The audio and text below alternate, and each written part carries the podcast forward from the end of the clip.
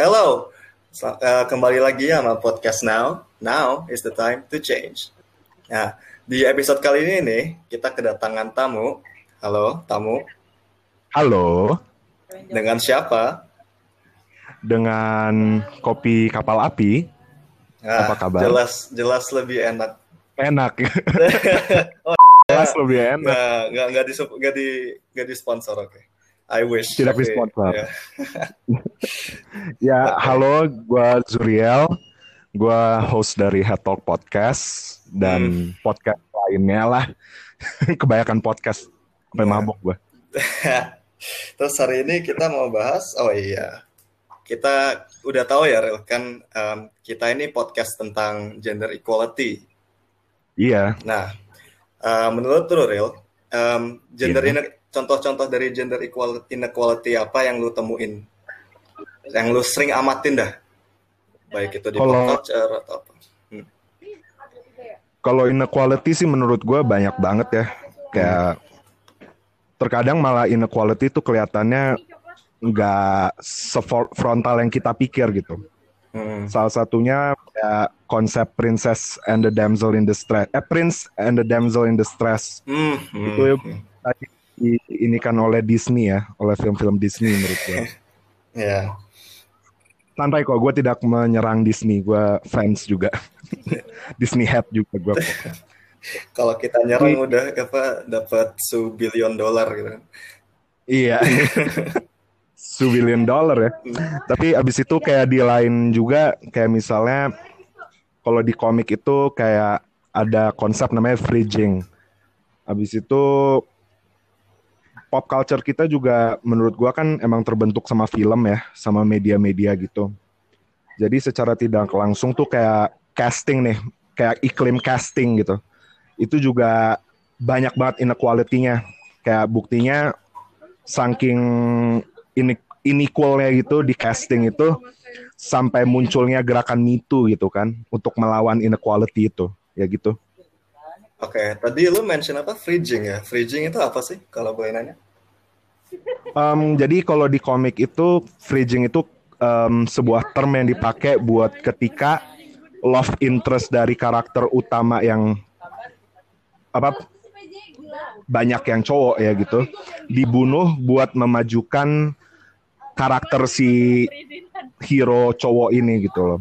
Salah satu kejadian yang paling jelas kelihatan dan pemula term fridging itu di Green Lantern. Hmm. Di Green Lantern itu jadi um, nama karakter Green Lantern ini Kyle Rayner. Dia pulang abis kayak crime fighting gitu. Tiba-tiba dia buka kulkas, pacarnya ada di dalam kulkas itu. Dibunuh gitu. Sebenarnya kan Iya dibunuh sama super villain gitu lah. Sebenarnya kan kalau kita pikir-pikir what for gitu loh. Apa cuma buat shock value doang gitu kan? Hmm. Kayak ada meaningnya nggak lu ngebunuh karakter kayak gitu? Hmm, kayak nggak ada cara lain aja gitu ya? Iya. Oh, kayak, hmm.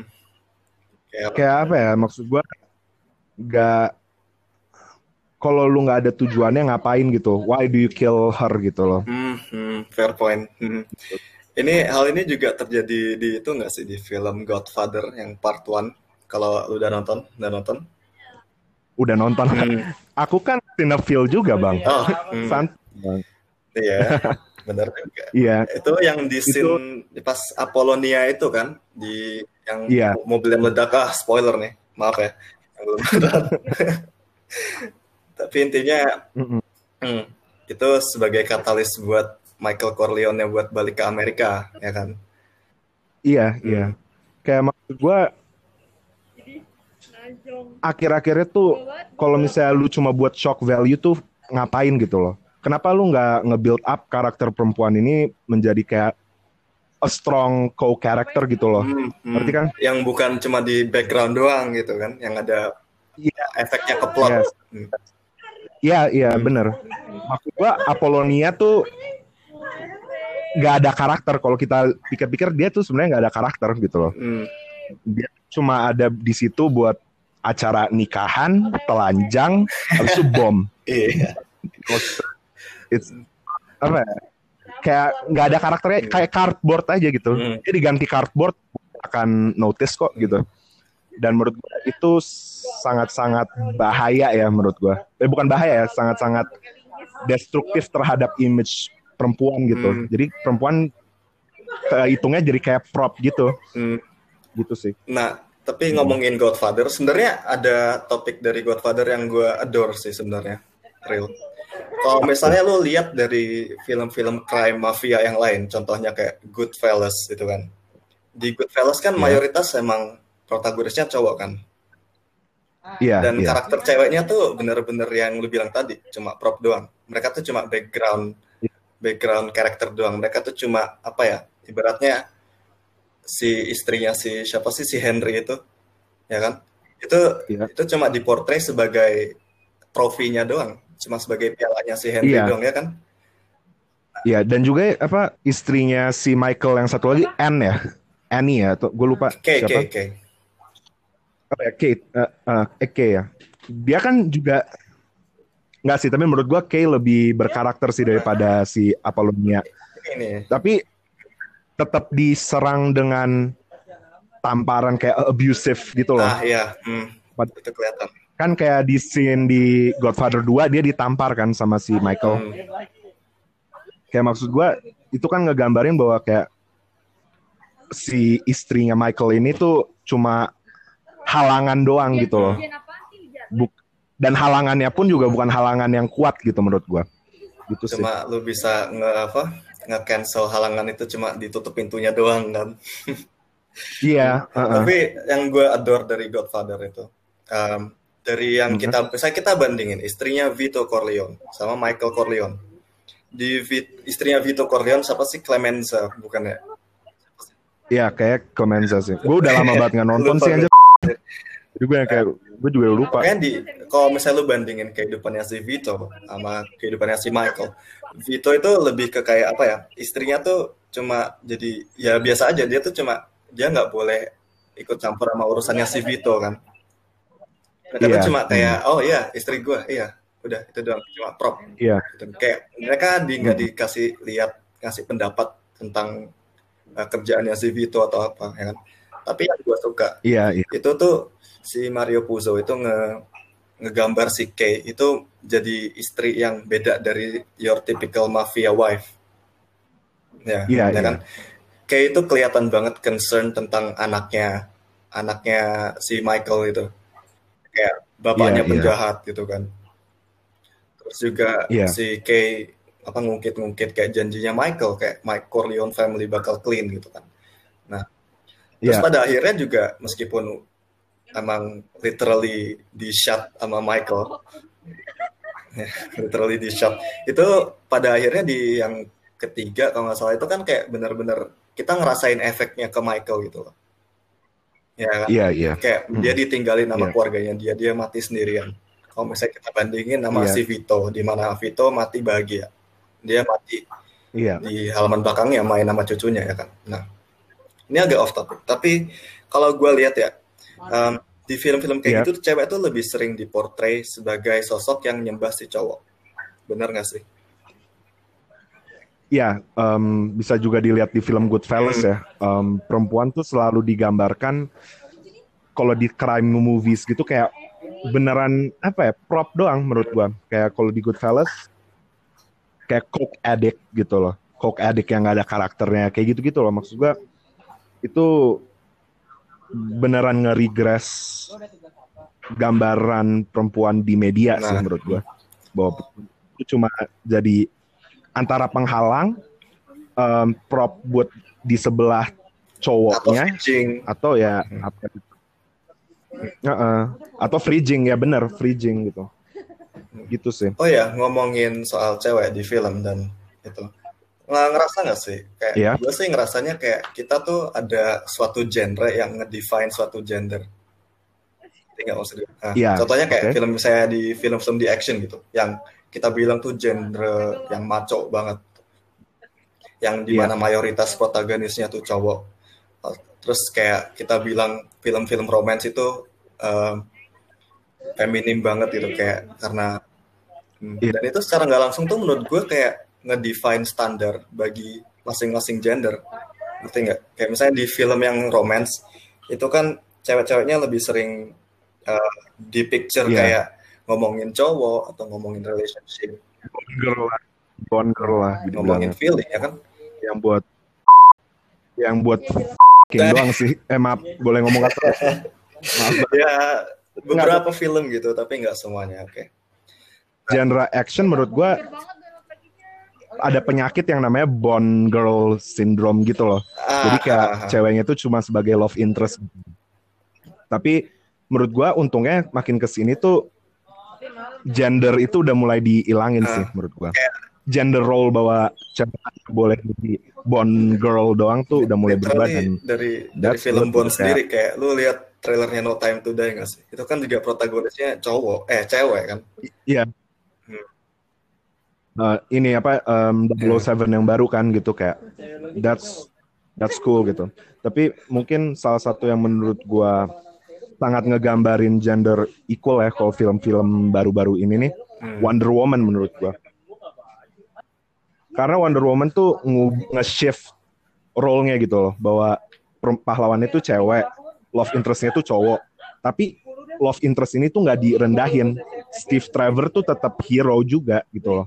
Mereka tuh fighting Ah, back to hmm. back gitu, ngerti kan lu? Dan gue itu salah satu gambaran gender equality yang kita perluin, kita lebih perluin di media dan di pop culture gitu. kalau hmm, kalau kita lihat juga di film-film kayak Marvel gitu juga makin banyak kan ya protagonis ceweknya kan Iya, iya benar benar. Eh, protagonis ceweknya mulai makin banyak dan mulai makin apa ya? Mulai makin diverse aja sih gue lebih suka kayak ditaruh di spotlight gitu loh bahwa pahlawan cewek tuh bisa sekeren pahlawan cowok gitu. Sesuatu yang sebenarnya udah lama kita pemikiran kita kalau cewek di action Hmm. movie tuh nggak bakal seru gitu kan. Eh, Iya. kalau misalnya ngomongin cowoknya ya, yang gue lihat tuh kalau dalam hal di film-film Hmm. romance em, yang gue bener-bener uh, struck my interest itu 500 day 500 days of summer lu bisa lihat kayak di si Oke. Seth Gordon-Levitt ini tuh bener-bener apa ya open tentang feelingnya dia sama si Zoe Deschanel ini kan. Da- dan itu kayak Iya, bener-bener iya. apa ya dalam di film-film itu kayak yang tadi 500 Days of Summer atau Before Sunrise hmm, itu kan kita ngelihat kayak sosok cowok Hmm. itu nggak se yang di stereotipin kayak cowok harus cold, cowok harus tough gitu kan, harus kayak gorila gitu kan, nepuk-nepuk dada Iya. gitu. Tapi, tapi kayak di di film-film itu tuh benar-benar apa ya? Si cowok ini nunjukin sisi lembutnya, sisi quote quote unquote feminim, Iya. dan itu tuh nggak nggak sekali lagi nggak ngerendahin si cowok itu kan, itu malah nambah nilai plus buat si cowok. Iya, iya. Hmm. Iya, iya. Hmm. Iya bener sih. Karena kan emang kita tuh pop culture kita tuh ngebentuk kayak cowok tuh harus yang kayak ya macho. Kayak Expendable tuh menurut gua film paling toxic masculine banget gitu loh menurut gua.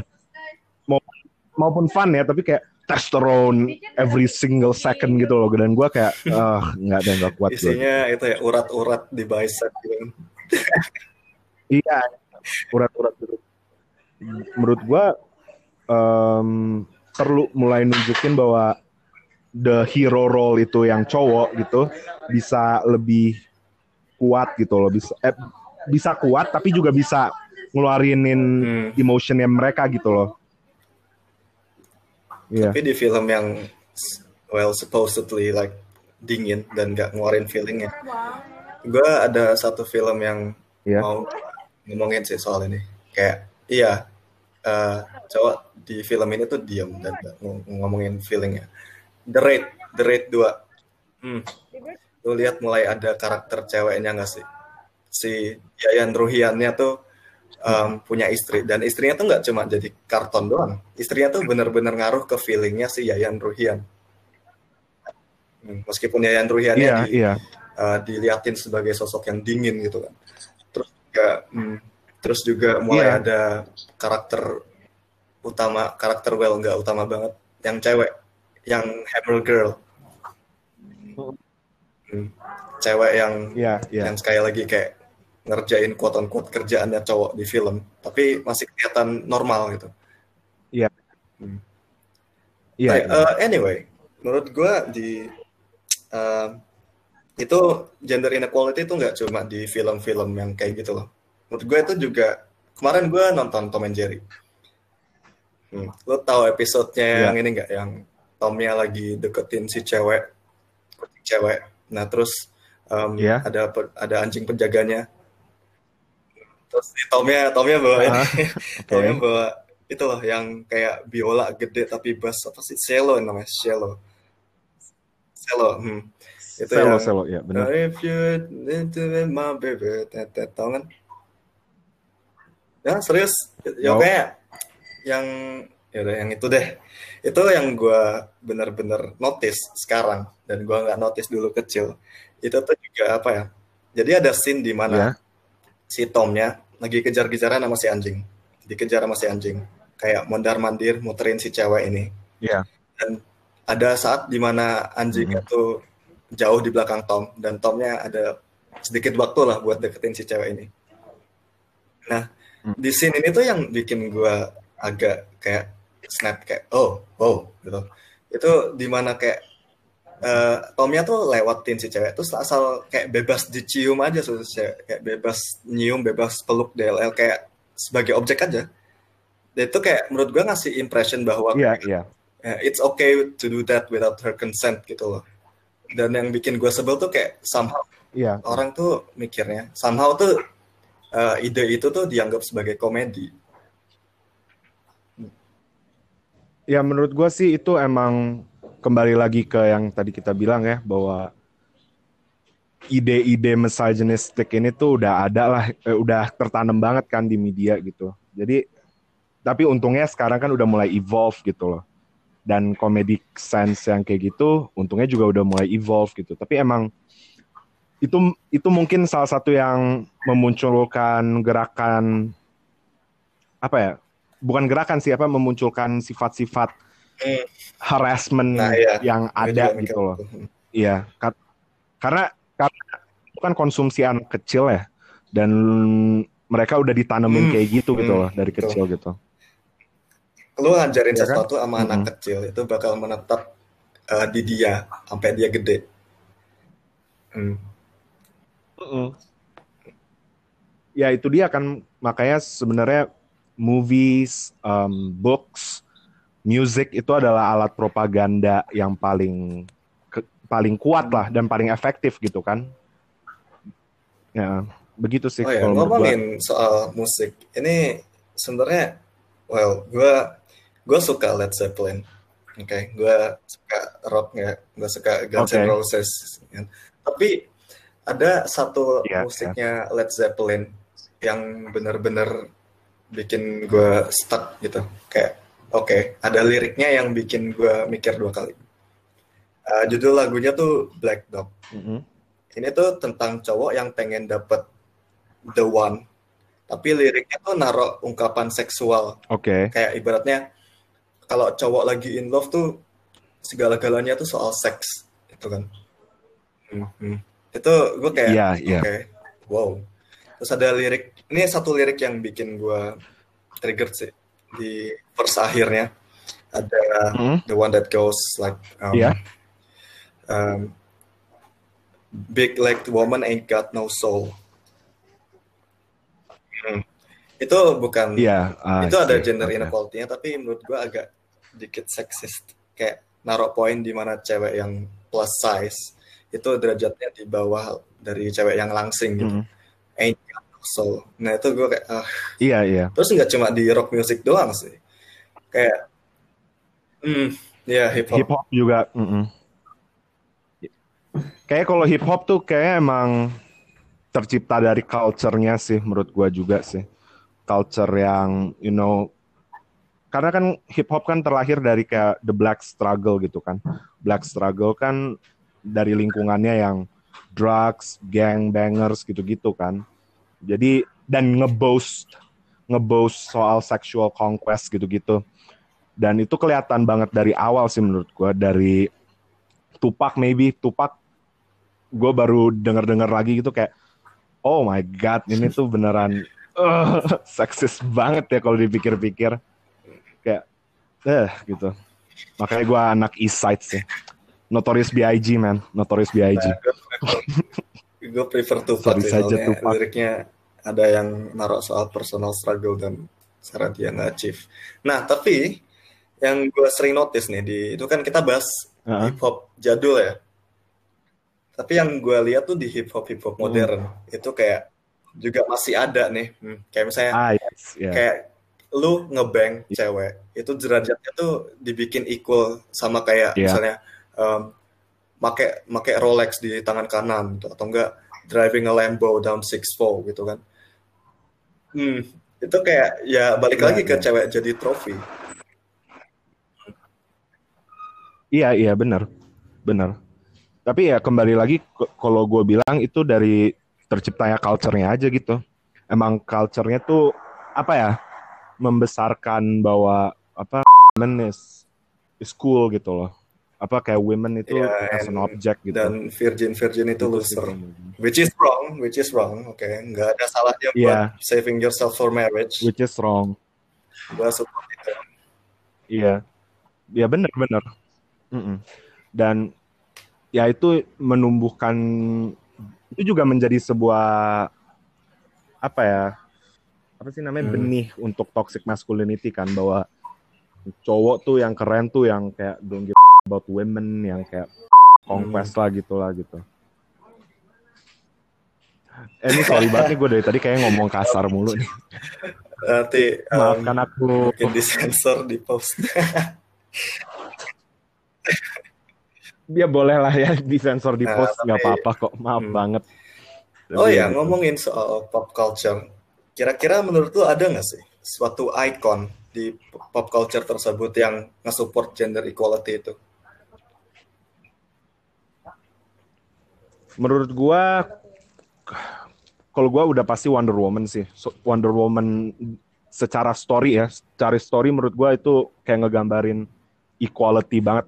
Karena kalau gua boleh geeking out ya, Wonder Woman itu dibikin sama seorang feminis. Dia itu seorang psikolog dan juga seorang feminis. Dia itu eh, melihat vakum karakter perempuan yang kuat gitu.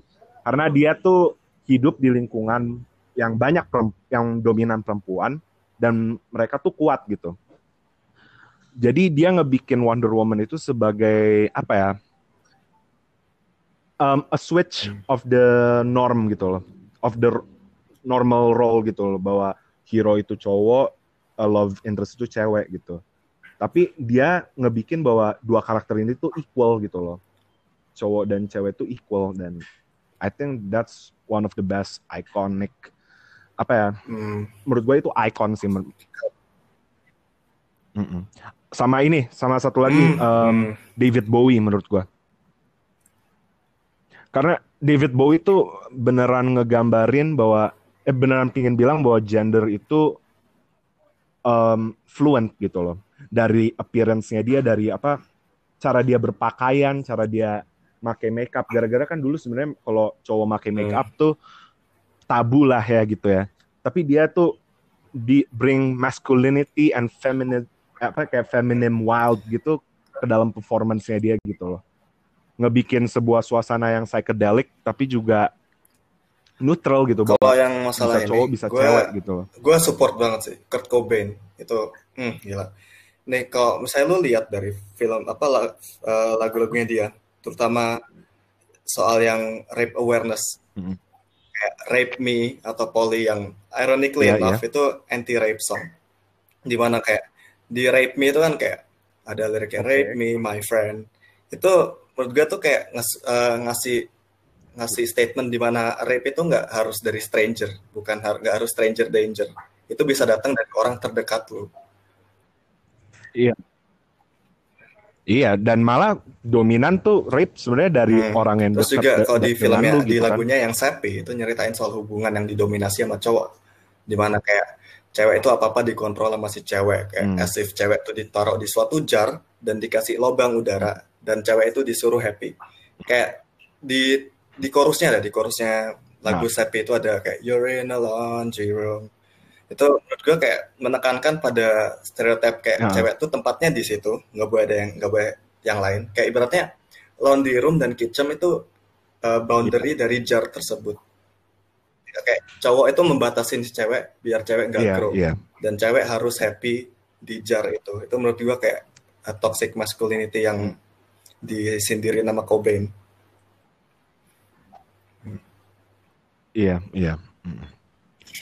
Gue gue nggak pernah, gue jujur, gue boleh jujur aja nggak nih? Gue kayak bakal langsung di cancel gitu. Tapi gue nggak pernah oh dengerin Cobain terlalu banyak. Aduh, gue gue gue beneran taste music gue cacat banget ya. Sorry banget nih. Gue beneran taste movie, uh, lu bisa duel sama gue kapan aja deh. Tapi nah, kalau music, music I'm too dumb for it. Lu bisa cek Spotify gue. nih, hmm. Oh ya satu Mari lagi. kita coba ini yang cek Kurt Cobain ini yang gue suka banget. Ini iya. popular yeah. quote. Ini popular quote-nya dia. Yang gue bener-bener literally gue catet terus gue tempel okay. di bedroom wall gue. Itu dia bilang yeah. kayak um, grup-grup yeah. the problem sama grup-grup yang uh, raise awareness soal rape, soal rape itu tuh mereka ngajarin cewek cara defend themselves. Mm. Tapi yang sebenarnya harus dilakukan mm. itu uh, kita ngajarin si cowok biar gak nge harusnya kita mulai dari source dan stop there itu yang yes. hmm. ya ya menurut gue benar kata lo bahwa sebenarnya tuh harusnya yang diajarin tuh cara cowok untuk apa ya hmm. inilah menjaga hasrat lah ya bisa dibilang lah ya. Um, dan salah satu caranya itu kalau kita ngomongin pop culture ya dari media yang kita konsumsi gitu kan. Contohnya rap music, eh, rap music lagi, rap music. si Zuryo malam-malam nih pikirannya. Rap rap music tuh menurut gue yang zaman dulu tuh yang kayak 90s scene gitu yang kayak Notorious B.I.G, Wu-Tang Clan. Gue nggak mau bilang Tupac gara-gara gue East guy, sorry banget. New York is my home. Tapi kayak beberapa lagu yang mereka tuh nggak perlu ngomongin sexual conquest gitu loh. Beberapa musiknya mereka tuh kayak beneran ngebahas kondisi di black culture waktu itu gitu loh. Maksud gue nggak harus ngebahas sexual conquest gitu. Kalau di movie juga mungkin dan untungnya sekarang udah mulai berubah ya. Yaitu kayak nunjukin strong female character maupun dia nggak apa nggak karakter utama gitu um, cuma support karakter menurut gue perlu gitu loh ditunjukin bahwa every woman can be strong gitu loh. Dan untuk yang cowoknya juga kayak not every man have to be this apa Arnold Schwarzenegger Terminator gitu loh. Maksud gue kayak yang come with me if you wanna live gitu kan. Kayak maksud gue kayak um, yes. people can have feelings gitu. Mungkin ini salah satu contoh yang menurut gue sangat ngegambarin gender equality dalam role cowoknya gitu ya. Oh cowok bisa have feelings, can be broken gitu. Hmm. Um, jadi ada show ini komik lagi nih. Kelihatan deh ini anak komik kan. Tapi ada nama show-nya Doom Patrol. Nah di Doom Patrol um, menunjukkan karakter-karakter cowoknya ini bisa beres, bisa keren, tapi juga they, they dealt with depression, they dealt with feelings hmm. gitu loh. Mereka punya perasaan gitu loh dan menurut gua that's that's the great thing about um, that show gitu bahwa lu nggak ditunjukin normal superhero yang harus kayak Superman yang kayak haha I'm a hero atau Batman yang kayak gitulah kayak maksud gua lu lu di lu ditunjukin hero yang impression, man. flawed gitu loh yang human human is flawed gitu loh yeah uh -uh. I get your point kayak maksud yeah. gua hmm. that Iya kayak human kayak that's all it is gitu. Okay, um, anyway, that's all. That's all the time we have for today. Thank you Zuril udah mau jadi guest kita. Thank okay, you. sekali lagi check check out uh, Head Talk with Zuril di Spotify bagi kalian. Ya. Yeah. Uh, ya. Yeah. Santai aja kok, gue gak kebanyakan ngomong komik kok kalau di situ. Zuril nggak nunjukin sisi nerdnya cerita orang lain sisi geek oke okay. um, Iya. Oke, terima kasih pemirsa yang udah nonton. I'll see you on the next episode. Oke, bye.